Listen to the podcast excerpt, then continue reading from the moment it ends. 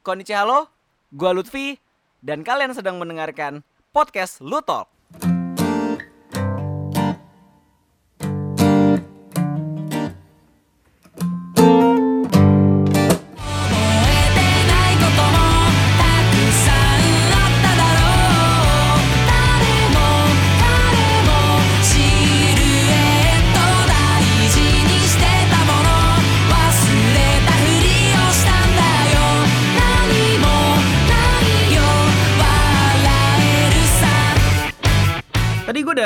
Udah memutarkan sedikit ya lagu yang pasti kalian udah tahu nih ya, yaitu Silhouettes dari Kanabun. Kayak lagu ini tuh kayak le- legendaris banget gitu loh, kayak kayak dari yang awalnya cuman dari lagu Naruto gitu kan, dari soundtrack Naruto, Shippuden gitu, tiba-tiba udah jadi lagu meme gitu kan, udah jadi udah jadi lagu ya ibarat kata, wah pokoknya kalau ini tuh asosiasinya langsung sama Naruto, kalau nggak Narutoran gitu, sampai-sampai lagu ini tuh pas di CF CF kemarin gitu Kobe Pro kayak diputer gitu untuk mengiringi Naruto Run gitu siluet ya kan? Pas udah bagian Nanimo Nanimo siluet Terus kalau misalnya udah Naruto Run ya kalau misalnya udah kata Naruto dan Naruto Run ya itu udah pasti akrab dengan lagu ini gitu kan tapi kalau misalnya tuh be honest gitu eh, menurut gue pribadi nggak ada yang salah sih dengan lagu ini sebenarnya karena lagu ini sebenarnya eh, menurut gue pribadi bener-bener catchy bener-bener enak didengar gitu dan bener-bener eh, ikonik gitu. Tapi ikoniknya itu kalau menurut gue pribadi itu gara-gara dia masuk di Naruto.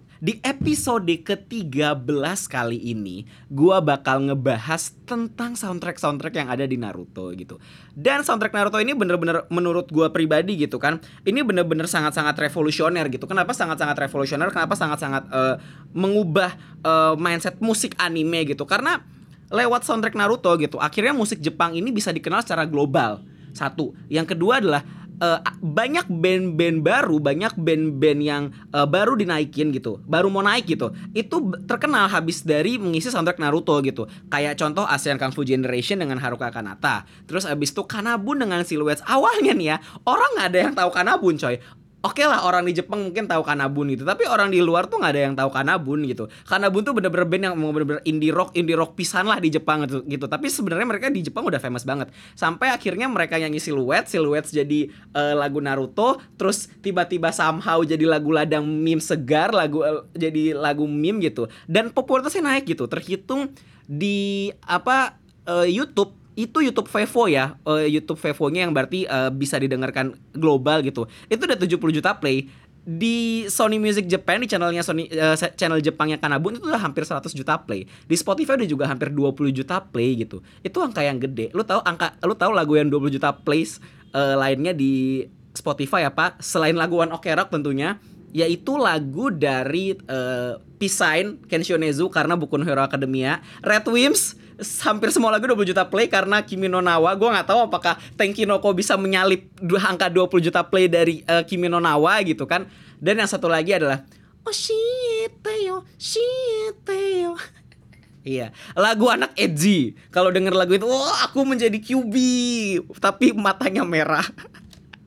TK from Link to Sigure yaitu judul lagunya Unravel. Itu bahkan nomor satu tuh udah hampir 30 juta play sendiri di Spotify gitu Heran deh kayaknya anak-anak sekarang edgy edgy pisan gitu ya dengernya kayak ngurutnya oh shit oh, udah udah kalau denger lagu itu udah lu langsung tiba-tiba langsung berubah menjadi anak edgy gitu kan dengan masker kaneki yang sering dipakai di event-event Jepangan gitu balik lagi ke soundtrack Naruto gitu. Gue inget banget gue gue meskipun tidak terlalu avid avid reader eh, Naruto dan anime Naruto gitu karena kepanjangan gitu kan.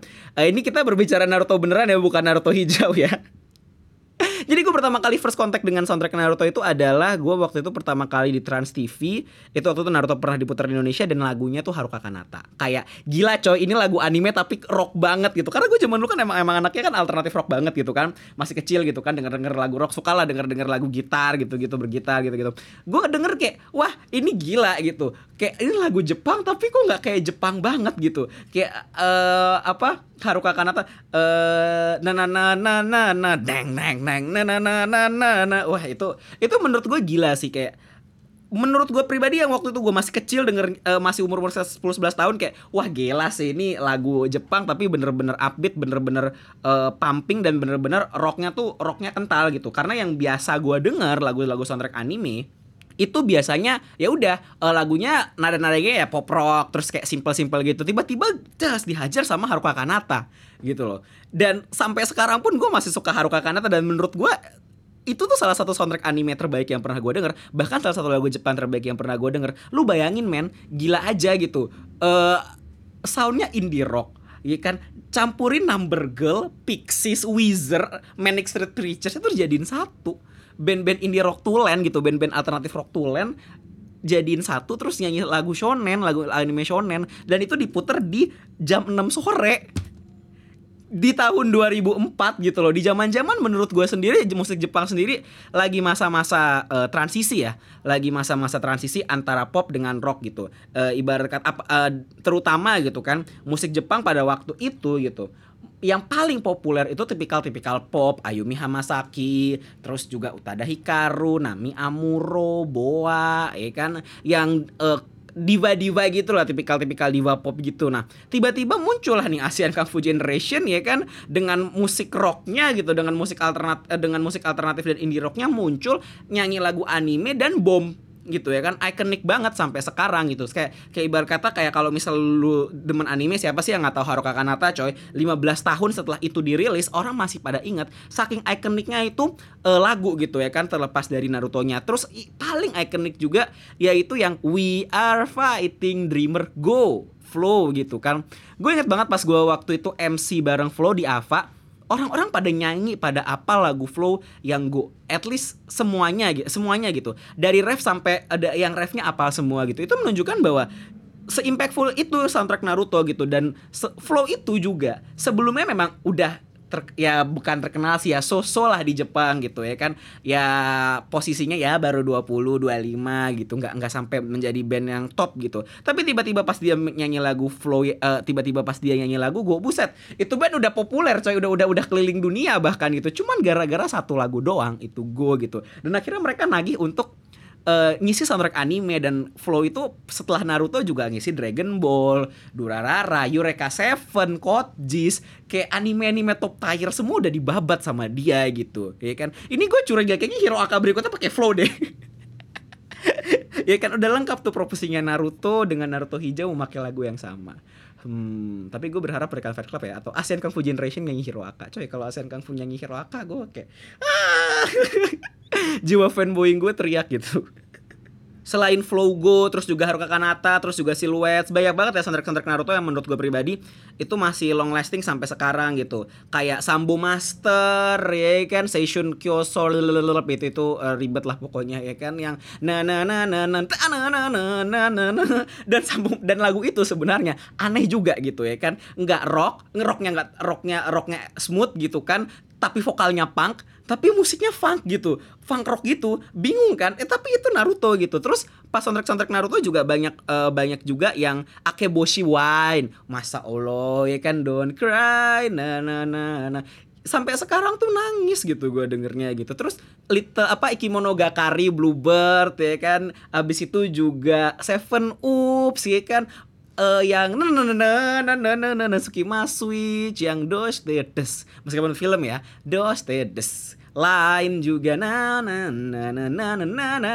itu bener-bener menurut gue sam ikonik loh sampai sekarang gitu. Sampai sekarang masih gue loop meskipun gue nggak nonton Naruto gilanya itu loh. Meskipun gue nggak tahu Naruto meskipun gue nggak nonton Naruto cuman beberapa lagu dari Naruto itu bisa jadi ikonik banget dan bisa jadi top hits gitu.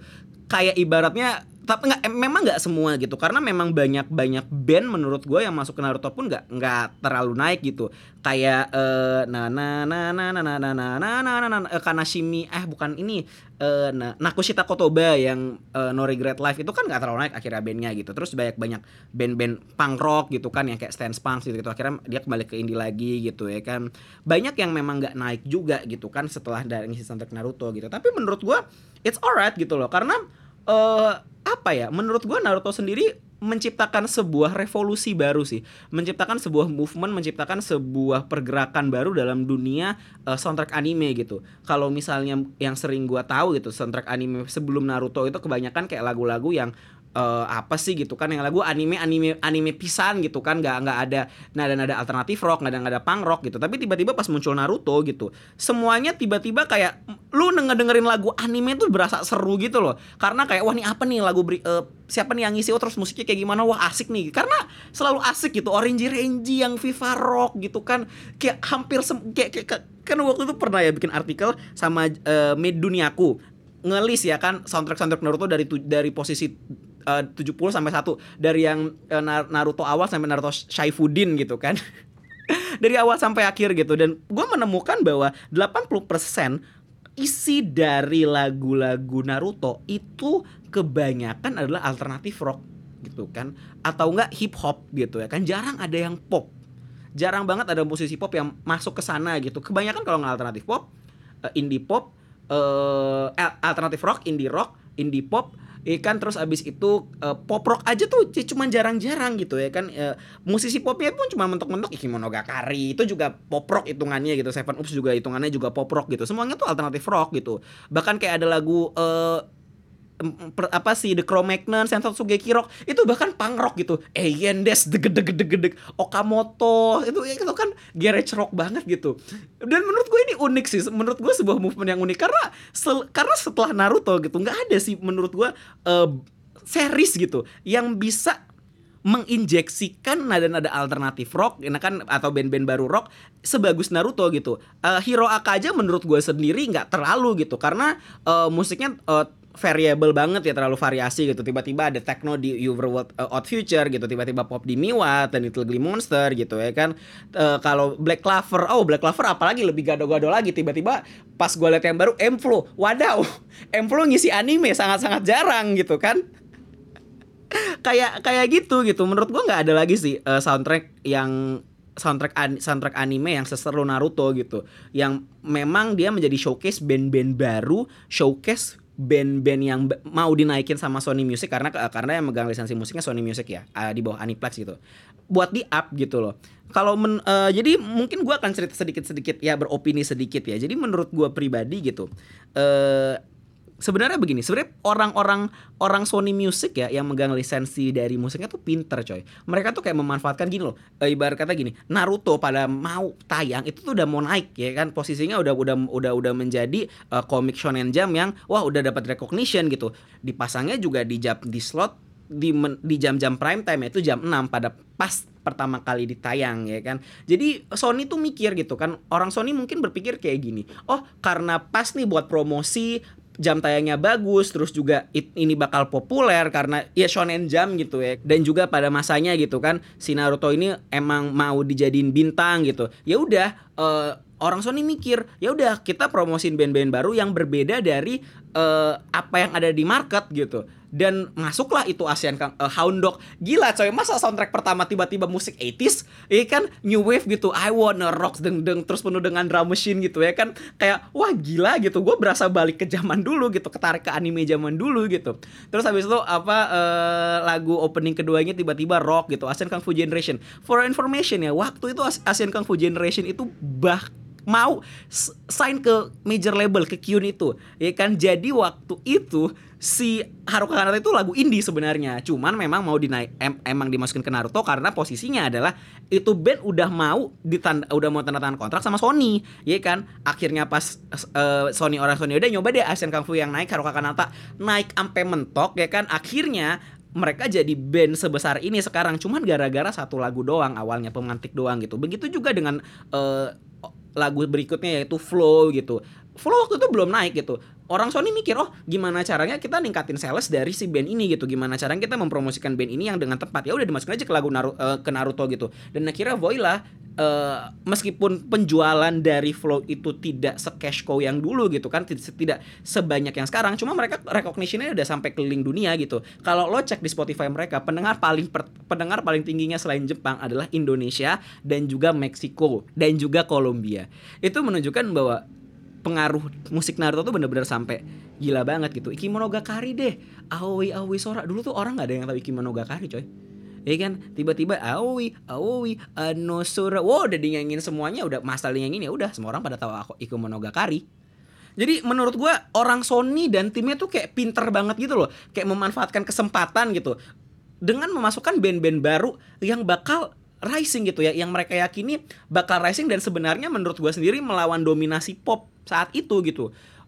Pop yang bener-bener musik pop banget lah gitu atau folk gitu tipikal-tipikal Kobukuro yang melo-melo slow gitu kan. Terus tipikal-tipikal Ayumi Hamasaki dan uh, The Gang Afex-nya dan Utada Hikaru yang bum bum bum bum bum bum bum bum ya kan yang cepat musiknya tiba-tiba muncul lah. Banyak band-band alternatif dan sempat memunculkan band alternatif boom yang dibuat oleh Sony Music sendiri. Kayak ibarat kata gini deh, oh gue ada suka nih band punk ini udah di masuk masuk Sony ini nanti gue promosi Naruto. Kayak, kayak kurang lebih kasarnya gitu karena ada beberapa band yang setelah masuk Naruto terus penjualannya saya turun turun banget, turun parah gitu kan. ada banyak yang kayak gitu ya kan jadi nggak nggak semuanya memang ada study case berhasil tapi banyak memang study case-nya menjadi ikonik dan akhirnya mendapat fanbase sendiri gitu menurut gue sendiri memang Naruto itu adalah define a generation ya. Uh, selain terlepas dari anime dan manganya itu, menurut gue soundtracknya juga mempunyai pengaruh besar sih dalam menaikkan nama Naruto itu sendiri gitu. Karena menurut gue begini, uh, zaman balik lagi gitu ke, ke teori di mana zaman dulu tuh bener-bener musik alternatif ya kan itu bener-bener segmented sih sebenarnya gitu uh, sedikit segmented gitu sebenarnya nggak terlalu segmented banget karena ada namanya Mongol Hachi Hyak menurutku gitu. Mongol 800 itu kan mainin musik punk dan juga Hester Road udah pave the way untuk punk gitu. Tapi ya udah mereka cuma famous di Jepang doang nggak ada yang lain gitu no more gitu. Tiba terus tiba-tiba banyak uh, asupan band alternatif rock masuk ya kan dari soundtrack Naruto dan akhirnya semuanya jadi banyak-banyak band-band alternatif rock gitu. Dan menurut gua soundtrack Naruto itu banyak orang yang bilang adalah pengenalan awal mereka kepada musik Jepang gitu. Karena zaman dulu gini deh, zaman dulu kita berpikir seperti ini coba. Nggak ada namanya YouTube coy. Dulu boro-boro ada namanya algoritma YouTube dan Spotify. Algoritma itu dari teman kita sendiri gitu. Lu download MP3 aja tuh harus nunggu berapa lama gitu kan. Lu harus nunggu berapa uh, berapa jam gitu buat dapet satu lagu yang 128 kbps atau lebih parah lagi 62 kbps yang lu simpen di Nokia 6600 loh gitu kan. Yang pakai link MP3 gitu loh. yang suaranya rusak. Atau misalnya kalau misalnya lu mau apa namanya masukin lagu terus ke abang-abang dulu terus bayarnya dua puluh ribu per lima lagu empat lagu. Jadi kayak lu harus milih-milih lagu mana yang harus dimasukin harus pas banget gitu kan. Zaman dulu tuh persebaran musik tuh cuman dari lagu anime gitu loh. Dari anime yang kita tonton dari anime yang ada di, TV gitu. Persebaran musiknya cuma mentok sampai situ gitu. Terus tiba-tiba uh, Naruto muncul dengan segala keepikan dengan keasikannya orang-orang pada senang dong. Dan gila sih menurut gue kayak tim Naruto tuh sampai mikir ke sana mungkin ya kayak nih aksesnya nih bisa uh, sampai global loh. Aksesnya bisa di, didengerin semua orang loh. Jadi bener-bener uh, promosi yang bener-bener ultimate lah menurut gue promosi yang menurut gue salah satu promosi musik yang paling canggih sih sampai saat promosi musik Jepang yang paling canggih saat ini sih lewat soundtrack Naruto gitu. Karena ibarat kata semua orang semua hampir semua orang di belahan dunia nonton anime pasti ada kaitannya dengan Naruto coy. Jadi wajar gitu kalau misalnya Naruto itu soundtracknya bener-bener famous mentok ya karena pada zamannya apalagi zaman 2004 2004 sampai 2011 something itu orang denger musik anime cuma dari Naruto nggak ada yang lain gitu. Apalagi penyebarannya dulu di warnet-warnet kalau di Indonesia ya warnet-warnet di teman segala macam gitu di TV gitu. Penyeb dari situ doang kan mereka denger. Mereka mau denger musik Jepang di mana lagi? Iya kan? Ya kaset tapi kan kaset dulu juga nggak terlalu impactful. Media apa? YouTube nggak ada. Ya kan? Jadi mereka cuma bisa denger lagu Jepang pas nonton Naruto doang gitu loh. Kalau misalnya mau denger full version ya udah dicari di internet ya kan? Dan gini waktu itu juga pas zaman zaman dari internet kan mempunyai lagu digital tuh kan merupakan sebuah harta ya. Sebuah uh, apa ya? Sebuah aset mahal tersendiri gitu. Jadinya mereka akan ngelup ngelup ngelup ngelup sehingga ingat gitu. Sehingga akan jadi ikonik dan mereka passing ke other generation gitu. Mereka akan selalu dengar ketika mereka udah tua, mereka akan dengar lagu itu terus karena ikonik mengingatkan kepada masa kecil. Balik lagi nilai nostalgianya yang dijual. Pada akhirnya strategi menaikkan artis lewat anisong ini bukan hanya dipakai di Naruto tapi banyak anime setelahnya menaikkan eh, melakukan cara cara yang sama gitu apalagi terutama di grupnya Sony Music atau Aniplex gitu dan pada akhirnya dengan mengikuti pattern itu menaikkan artis lewat lagu anime banyak artis-artis anime yang naik lewat lagu-lagu anisong. Karena itu gitu loh. Karena mereka karena akses mereka mendengar lagu Jepang tuh cuma anime doang. Nggak lebih nggak kurang gitu. Mereka mau denger akses Jepang pada zaman dulu mau di mana lagi gitu.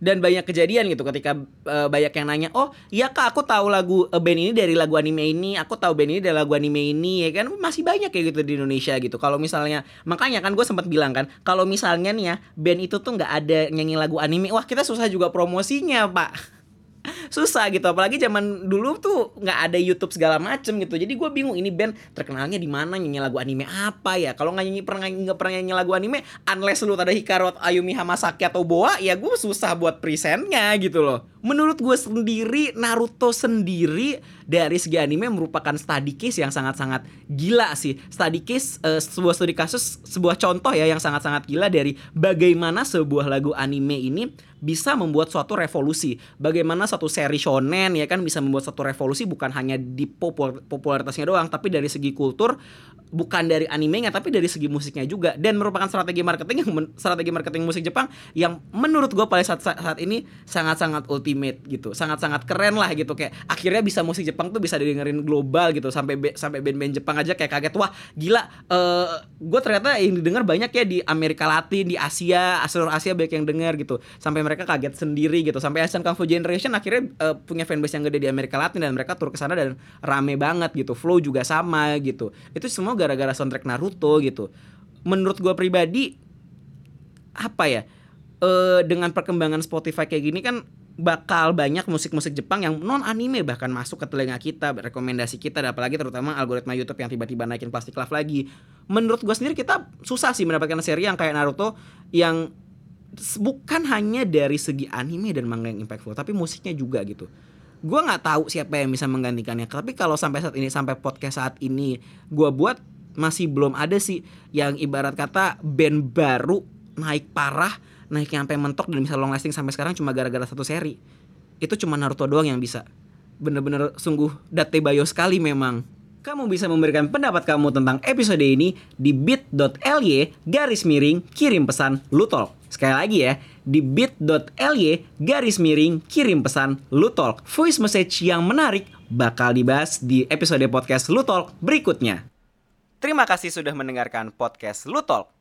Follow atau subscribe podcast ini di platform podcast favoritmu. Jangan lupa juga buat like Facebook Lutfi Works, follow Instagram at Lutfi Suryanda, dan Twitter di Lutfi Can Tweet. Gue Lutfi, sampai ketemu lagi di episode podcast berikutnya. Plus Ultra, saya dadah!